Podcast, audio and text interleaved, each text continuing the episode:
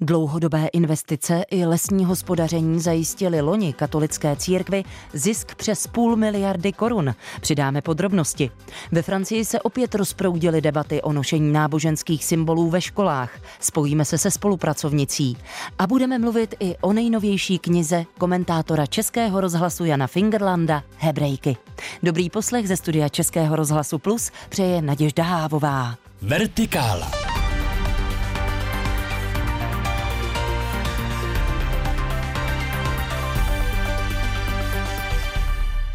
Hospodaření České katolické církve skončilo v loňském roce se ziskem 646 milionů korun. Bylo to meziročně o 270 milionů korun víc. A to už je téma pro našeho kolegu Adama Šindeláře, který je se mnou ve studiu. Vítej. Hezký den. Církvy klesly oproti roku 2020 příjmy v podobě státního příspěvku i darů a ztrátová je tradičně hlavní, tedy duchovní činnost. Co tuhle ztrátu pokrývá? Je to především zisk z hospodářské činnosti, zejména z dlouhodobých investic a lesního hospodaření. V loňském roce to bylo zhruba miliarda a čtvrt korun. Zástupci katolické církve to řekli ve čtvrtek na tiskové konferenci. Církev dostává 9 let po restitucích stále nižší státní příspěvek, který se bude vyplácet do roku 2030. Loni byla částka, která slouží zejména na platy duchovních 625 milionů korun, meziročně byla o 45 milionů korun nižší. Finanční ztráta za nevydaný majetek pro celou katolickou církev loni činila zhruba miliardu a tři čtvrtě korun korun a církvi dary loni klesly o 25 milionů korun. Celkové výdaje na hlavní, tedy neziskové aktivity, byly v loňském roce přes 3 miliardy korun, co pokrývaly. Nejvyšší suma přes miliardu šla na opravy památek a je srovnatelná s předchozími roky. Přímé příspěvky biskupství na církevní školství tvořily 35 milionů korun, příspěvky na zdravotní projekty přes 21 milionů korun a na kulturu 37 milionů. Výdaje na čistě duchovní projekty byly loni přes miliardu korun. Osobní náklady v roce 2021 byly obdobné jako v předchozích letech zhruba 900 milionů korun. Politiku rozdělování rozdělení světa na východ a západ a obnovu už překonaných politických konceptů kritizoval papež František, a to na mezinárodní konferenci v Bahrajnu. Vyzval také k jednotě a dialogu. Papež přiletěl do blízkovýchodní ostrovní země ve čtvrtek na akci zvanou Bahrajnské fórum pro dialog Východ a Západ pro humánní soužití, která má přispět k dialogu mezi muslimy a křesťany. František je první papež, který se vydal do Bahrajnu. V oblasti byl ale už roku 2019, kdy zavítal do Spojených Arabských Emirátů. Papež před tisícovkou účastníků konference, mezi kterými byli politici a náboženští představitelé, řekl, že mocnosti se zaměřují na boj o vlastní zájmy sahají k zastaralé rétorice, rozdělují si zóny vlivu a vytvářejí nepřátelské bloky. Papež František také řekl, že logika vytváření táborů se projevuje nejzřetelněji jako dělení světa na západ a východ. Papež současnou situaci popsal těmito slovy. Uprostřed obvinování, hrozeb a odsuzování se trvale ocitáme na vratkém břehu a bojíme se, že se utopíme. Místo toho, abychom o sebe navzájem pečovali, hrajeme si s raketami a bombami, se zbraněmi, které vedou k pláči a k zabíjení. Agentura AFP poznamenala, že jde o narážku na situaci na Ukrajině. Papež patří ke kritikům ruské invaze. V Bahrajnu se vyslovil také proti despotismu, imperialismu, nacionalismu a populismu Řekl, že v globalizovaném světě se dá pokročit jedině, když se lidé spojí. Mimochodem kardinál Pietro Parolin, který se v září sešel s ruským ministrem zahraničí Sergejem Lavrovem na okrajin bahrajnského jednání, řekl před novináři, že v jednání s Moskvou se objevují malé známky pokroku. Tak to je alespoň taková nadějná zpráva na závěr. My se teď vracíme do České republiky. Do konce tohoto roku by měli konečně ze Španělska k nám přicestovat nové varhany, určené pro katedrálu svatého Víta na Pražském hradě. Tisíce píšťal, které varhany tvoří, by měly doputovat na několika kamionech a po silnici. Zatím ale nemohou být postaveny přímo v katedrále, tak budou čekat ve skladu. Nainstalovány by měly být koncem příštího roku. Poté se stanou majetkem nadačního fondu svatovícké varhany, který nástroj objednal. Uvedl to Jakub Skřejpek, místo předseda dozorční rady nadačního fondu. Ale původní smlouva o varhanách počítala s tím, že budou v katedrále už v roce 2019 COVID-19. Proč tedy to spoždění? Ano, zdržení podle Skřepejka způsobilo mnoho aspektů od nepředvídatelných technických komplikací po COVID-19. Eh, varhany jsou nyní prakticky hotové v dílně ve Španělsku. Kvůli hmotnosti nástroje je teď ale třeba také spevnit kruchtu nad vchodem do chrámu, kde ty varhany budou stát. Zpráva Pražského hradu už podala žádost o stavební povolení. Až bude vydáno, může se podle Skřejpka vyhlásit veřejná zakázka na zhotovitele stavby. A před 30 lety byl s konečnou platností rehabilitován italský učenec Galileo Galilei. Připomeň tyhle události. Hmm. Jeho známá věta a přece se točí. Galileo Galilei ji pronesl prý poté, co ho katolická inkvizice pod hrozbou upálení donutila odvolat své poznání, že země se točí kolem slunce. Vědec mnoha objevy z oblasti gravitace nebo astronomie značně předběhl dobu a popudil tím církev.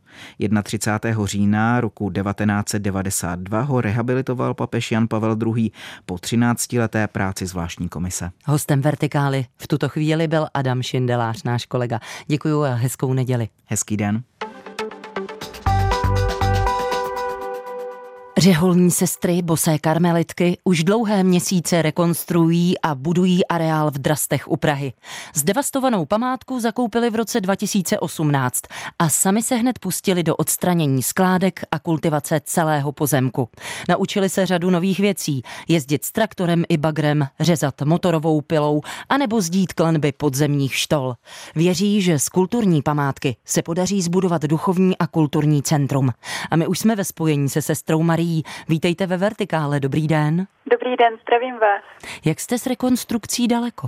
V současnosti finišuje hrubá stavba klášterních budov a veřejné kaple. Brzy bude betonem vylita poslední část zvonice kaple a současně probíhá montáž oken, oprava fasády, bývalé sípky a mnoho dalších prací. Během prosince by tak měl být odvezen stavební jeřáb a hrubá stavba se pak symbolicky zakončí tradičním umístěním břízky na nejvyšší místo stavby, což je v našem případě právě zmíněná zvonice. A která část kláštera je pro vás nejdůležitější? To se těžko určuje, protože klášter je takový malý svět, kde, jak se říká, všechno souvisí se vším ale to funkčně nejdůležitější víceméně odpovídá tomu, na co už máme podepsanou smlouvu. A to je rekonstrukce bývalé sípky, kde budou pokoje, cely pro jednotlivé sestry a společné místnosti a dále potom malá komunitní kaple a hospodářské křídlo z kláštera s kuchyní, prádelnou a dalším nutným zázemím. Dokončení těchto budov nám umožní částečné nastěhování, ale standardní život ještě ne. No a srdcem kláštera je pak samozřejmě veřejná kaple a na její dokončení peníze stále scháníme. Na to standardní fungování celého kláštera budeme muset ještě počkat. Kde tedy teď sestry bydlí, v jaké části areálu? My od roku 2020 bydlíme v domě navštívení, to bude později dům pro hosty. Dřív se mu říkalo panský dům, protože v něm bydlel majitel nebo správce areálu. Tenhle dům se nachází hned vedle hlavní brány a opravoval se spolu s bytovým domem jako první. A v jakém časovém horizontu by podle vás mohlo být hotovo a všechno nakonec plně funkční? Ta část kláštera, na kterou už máme podepsanou smlouvu, by měla být dokončena v létě příštího roku a další postup prací se bude odvíjet od finanční situace. Kdyby se nám podařilo vybrat dostatečné množství peněz, tak by klášter s veřejnou kaplí mohly být hotové do konce příštího roku, jinak to bude trvat déle. Pak tu jsou ještě různé dílčí práce a vedlejší budovy a u těch si už netroufám odhadovat.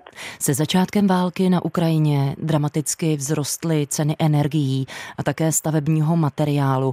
Pocítili jsme to prakticky všichni. Jak se s tímto faktem vyrovnáváte? Nárůst cen nás zasáhnul hodně. Snažíme se šetřit, kde se dá, ale u stavby to zase nesmí být na úkor kvality. To by z dlouhodobého hlediska nebylo rozumné. Řekla bych, že naším hlavním způsobem vyrovnávání se s nepříznivými okolnostmi je o to intenzivnější modlitba, ale taky samozřejmě přikládáme ruku k dílu. A kolik peněz tedy chybí do finální podoby kláštera v Drastech? Na dokončení toho nejpotřebnějšího nám stále chybí kolem 25 milionů, pak budou ještě různé další náklady. Snažíme se jít postupnými kroky a k těm dílčím krokům se taky vztahovat. A jak může třeba pomoci veřejnost, dárci nebo možná i dobrovolníci? Veřejnost nám může pomoci například příspěvkem na právě probíhající sbírku na portálu Donio, taky šířením povědomí o této sbírce a o našem projektu. A do adventu a pak zase od jara je možná účast na brigádách a v jakémkoliv období jsme moc vděčné za modlitbu. Všechny informace je možné najít na našem webu www.karmeldrasty.eu. Já už jsem v úvodu říkala, že jednou by z drastů mohla být eh, kulturní památka, ve které to bude žít, že se podaří zbudovat duchovní a také kulturní centrum. Co konkrétně by mohl nebo měl areál nabízet? Pro veřejnost bude areál nabízet dům pro hosty s kapacitou až 30 lůžek. Přijet budou moci jednotlivci, rodiny i skupiny k odpočinku, na čerpání, ke stišení, anebo taky na různé duchovní nebo kulturní programy, které zde občas budou pořádat někteří z našich nájemníků. K domu pro hosty pak patří ještě lesopark s altánem. Jinak taky bude možné se s námi sestrami účastnit bohoslužeb a některých modliteb v kapli svaté Terezie, anebo využít za různými účely prostory v kryptě pod kaplí. My přejeme vaší práci hodně zdaru. Držte se, naším hostem Děkuju byla moc. sestra Marie, jedna z členek bosých karmelitek. Zdravíme do Drastů, hezký den přeju. Děkuji moc a taky přeju hezký den. Posloucháte Vertikálu. Aktuality, reportáže a rozhovory z duchovního světa, doplněné debatou o věcech mezi nebem a zemí. Poslechnout si je můžete také na webu plus.rozhlas.cz, v aplikaci Můj rozhlas a v dalších podcastových aplikacích. Ve Francii se poslední dobou opět začalo mluvit o nošení náboženských symbolů na půdě státních institucí, konkrétně ve školách. Co to zapříčinilo? Tak to už je moje otázka, která míří na naši spolupracovnici ve Francii, Marii Síkorovou. Dobrý den. Dobrý den. Ano, vychází to ze zprávy, kterou sdělilo Ministerstvo národního vzdělávání té ve Francii často skloňované formy výuky pod patronací o kontrolou státu, tedy Education Nationale. V té zprávě ministr Papendiaj sděloval informace o tom, že od začátku školního roku vzdělávací instituce vidí a vykazují vyšší počet těch studentek a studentů, kteří se odívají do oblečení, které je přiřknuto určitému náboženství. Tedy podle ministerstva takové náboženství i symbolizuje. A ve Francii platí podle tohoto zákona o laicitě z roku 2004, že se nikdo nesmí ve veřejných institucích, kterými jsou samozřejmě i školy a licea, tak se nesmí nosit náboženské symboly. Tedy ani studentky a studenti, ani vyučující. Školy ve Francii nejčastěji mluví o nárůstu oblečení typu abaya, které je určené ženám muslimského vyznání a které představuje takové dlouhé volné šaty tlumených barev, které zakrývají celé tělo, hlavu, nohy i paže ženy. Odkrytý může být jen obličej, dlaně a chodidla. Abaya je povinná v zemích muslimského vyznání, jako je třeba Saudská Arábie. Ve Francii je ale právě tento náboženský symbol striktně zakázaný ve veřejných a státních institucích. A jak na to bude francouzské ministerstvo vzdělávání reagovat? Ministerstvo národního vzdělávání a tedy jeho čelní představitel Pap Ndiaye se po tomto zjištění rozhodl, že bude ve Francii situaci monitorovat každý měsíc a zveřejňovat zprávu o tomto stavu na základním, ale hlavně středním stupni vzdělávání. Zda náboženských symbolů ve školách přibývá nebo ubývá. Zároveň ale ministr zdůraznil, že se jedná o velmi citlivou otázku a je potřeba s ní zacházet opatrně.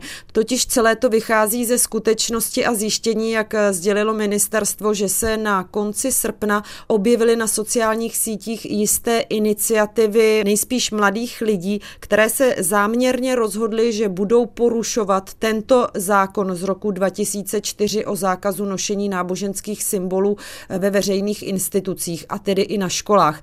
Je možné, že v tom je jistá revolta mladých. Jak se ale ministr vyjádřil, tak nesmí být naivní, aby si nemyslel, že za takovými iniciativami mohou být konkrétní osoby nebo dokonce skupiny, které se snaží mladé obrátit na svou stranu, obrátit je na víru a přesvědčit je k takovým činům, a to třeba i pod výhruškou. Pro mladé to tak může představovat nebezpečí, jak píše ministerstvo. Mladým lidem by se tak mělo více naslouchat.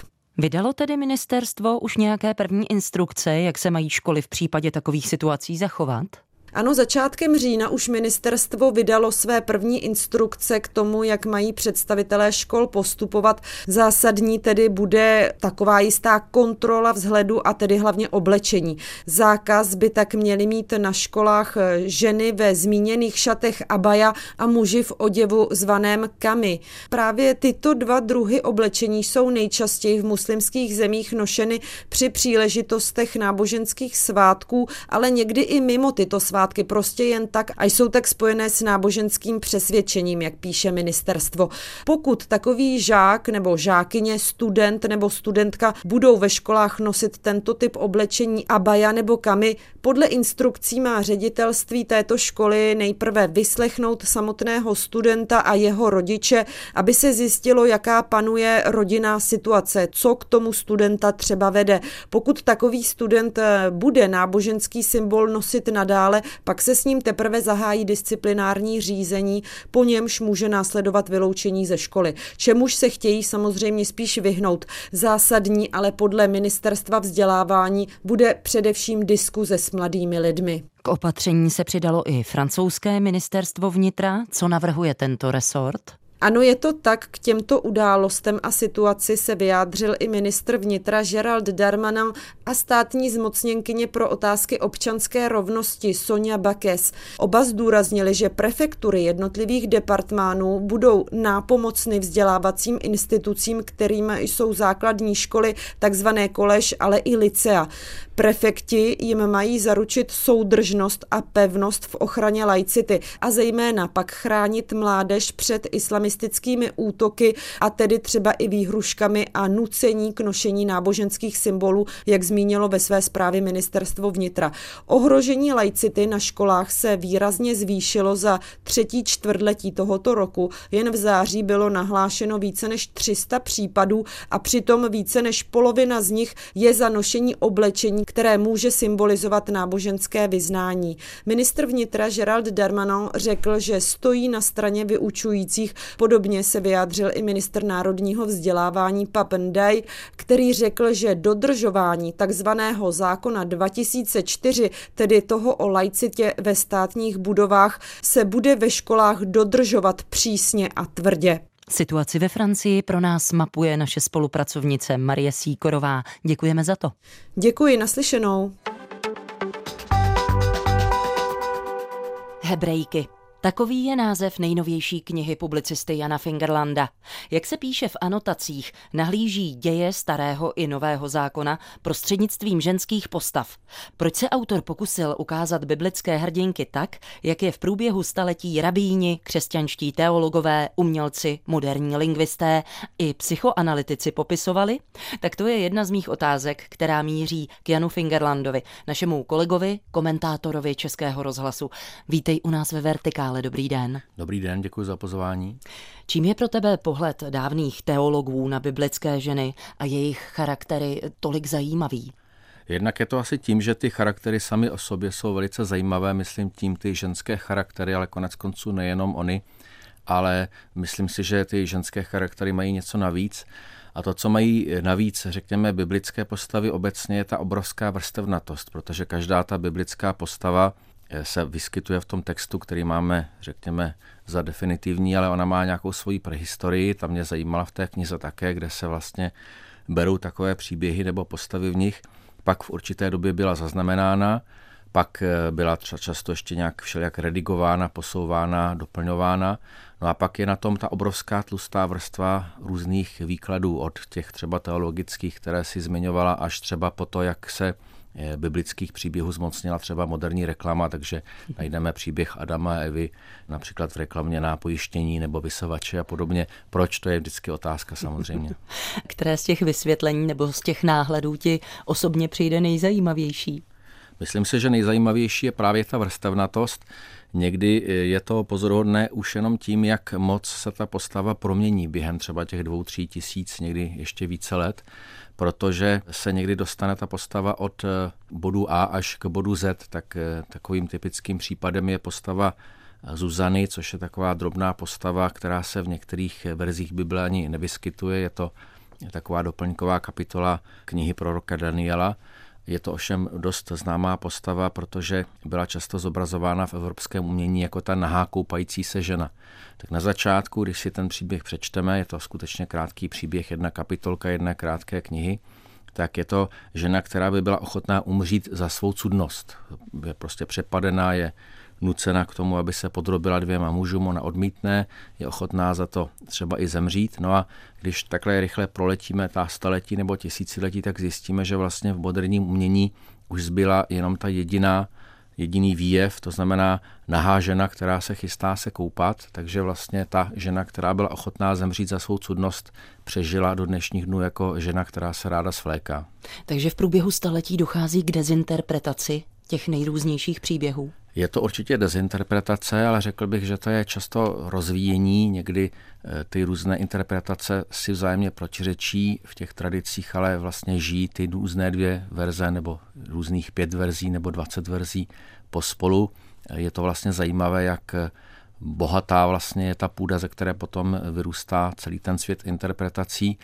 A často ta doba si přizpůsobí tu postavu podle toho, jak potřebuje. Typicky třeba zase, kdybych dal příklad Judita, což je jedna z těch mých oblíbených postav, je to ta žena, která jde do nepřátelského tábora a tam setne hlavu nepřátelskému vojevůdci Holofernovi, tak eh, ta vystupovala jako cudná vdova, která se projevila, řekněme, nějakým odvážným činem. Když bych vzal jenom jeden ten dílek z toho velice dlouhého seriálu různých interpretací, tak byla považována třeba za jakousi prototypickou atentátnici, jako v dobré věci, nebo jako eh, symbol Benátské republiky, ale také jako symbol aristokracie bojující proti republikánství a podobně. Takže ta postava se prostě vyskytuje v tisících variantách a vždycky je to ale pořád ta samá postava. S Janem Fingerlandem si povídáme o jeho nejnovější knize nazvané Hebrejky. Kdyby si mohl Honzo s jednou z těchto biblických žen popovídat, která by to byla? Tuhle otázku jsem ještě nedostal a nemám na ní dobrou odpověď. Vzal bych si třeba teda možnost eh, popovídat si s dvěma ženami a to by byla ta první a poslední v té knize, to znamená s Evou a s panou Marí. Zajímalo by mě, co by mě řekli, ale eh, zejména v případě Evy je to samozřejmě literární postava, musel bych to brát takže hovořím s literární postavou. Jak dlouho ti sepsání hebrejek trvalo, z jakých pramenů si čerpal? Trvalo mi velmi dlouho, protože to vlastně nevznikalo jako kniha, ale jako časopisecký seriál, takže řekněme více než pět let určitě, možná osm. A e, čerpám z mnoha materiálů. Dříve pánové říkali, že mají doma sbírku motýlů, já mám doma sbírku biblických komentářů.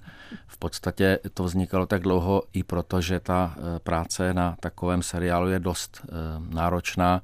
Vlastně ke každé té kapitole knihy jsem přečetl možná stovky stránek různých právě komentářů, většinou ne náboženských, historických, archeologických, kulturně historických a podobně. Snažíš se na něco touhle publikací odpovědět?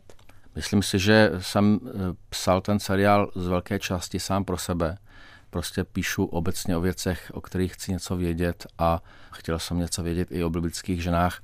Dlouhodobě vlastně se snažím Bibli propagovat, to je takový můj soukromý mini projekt, Eh, propagovat jako knihu, kterou by lidé měli číst, třeba jako literární dílo. A kdo by si potom měl přečíst tvou knihu Hebrejky, pro koho si ji sestavoval? No řekněme, že jsem ji sestavoval pro inteligentní čtenáře a čtenářky. Věřím, že takoví jsou i naši posluchači, posluchači Vertikály. Naším hostem ve studiu byl Jan Fingerland, náš kolega, komentátor Českého rozhlasu a autor knihy Hebrejky. Děkuji, že jsi přišel do studia. Také děkuji za pozvání, nasledanou. Za okamžik jsou tu zprávy a po nich ještě publicistika. Dobrý poslech přeje Naděžda Hávová.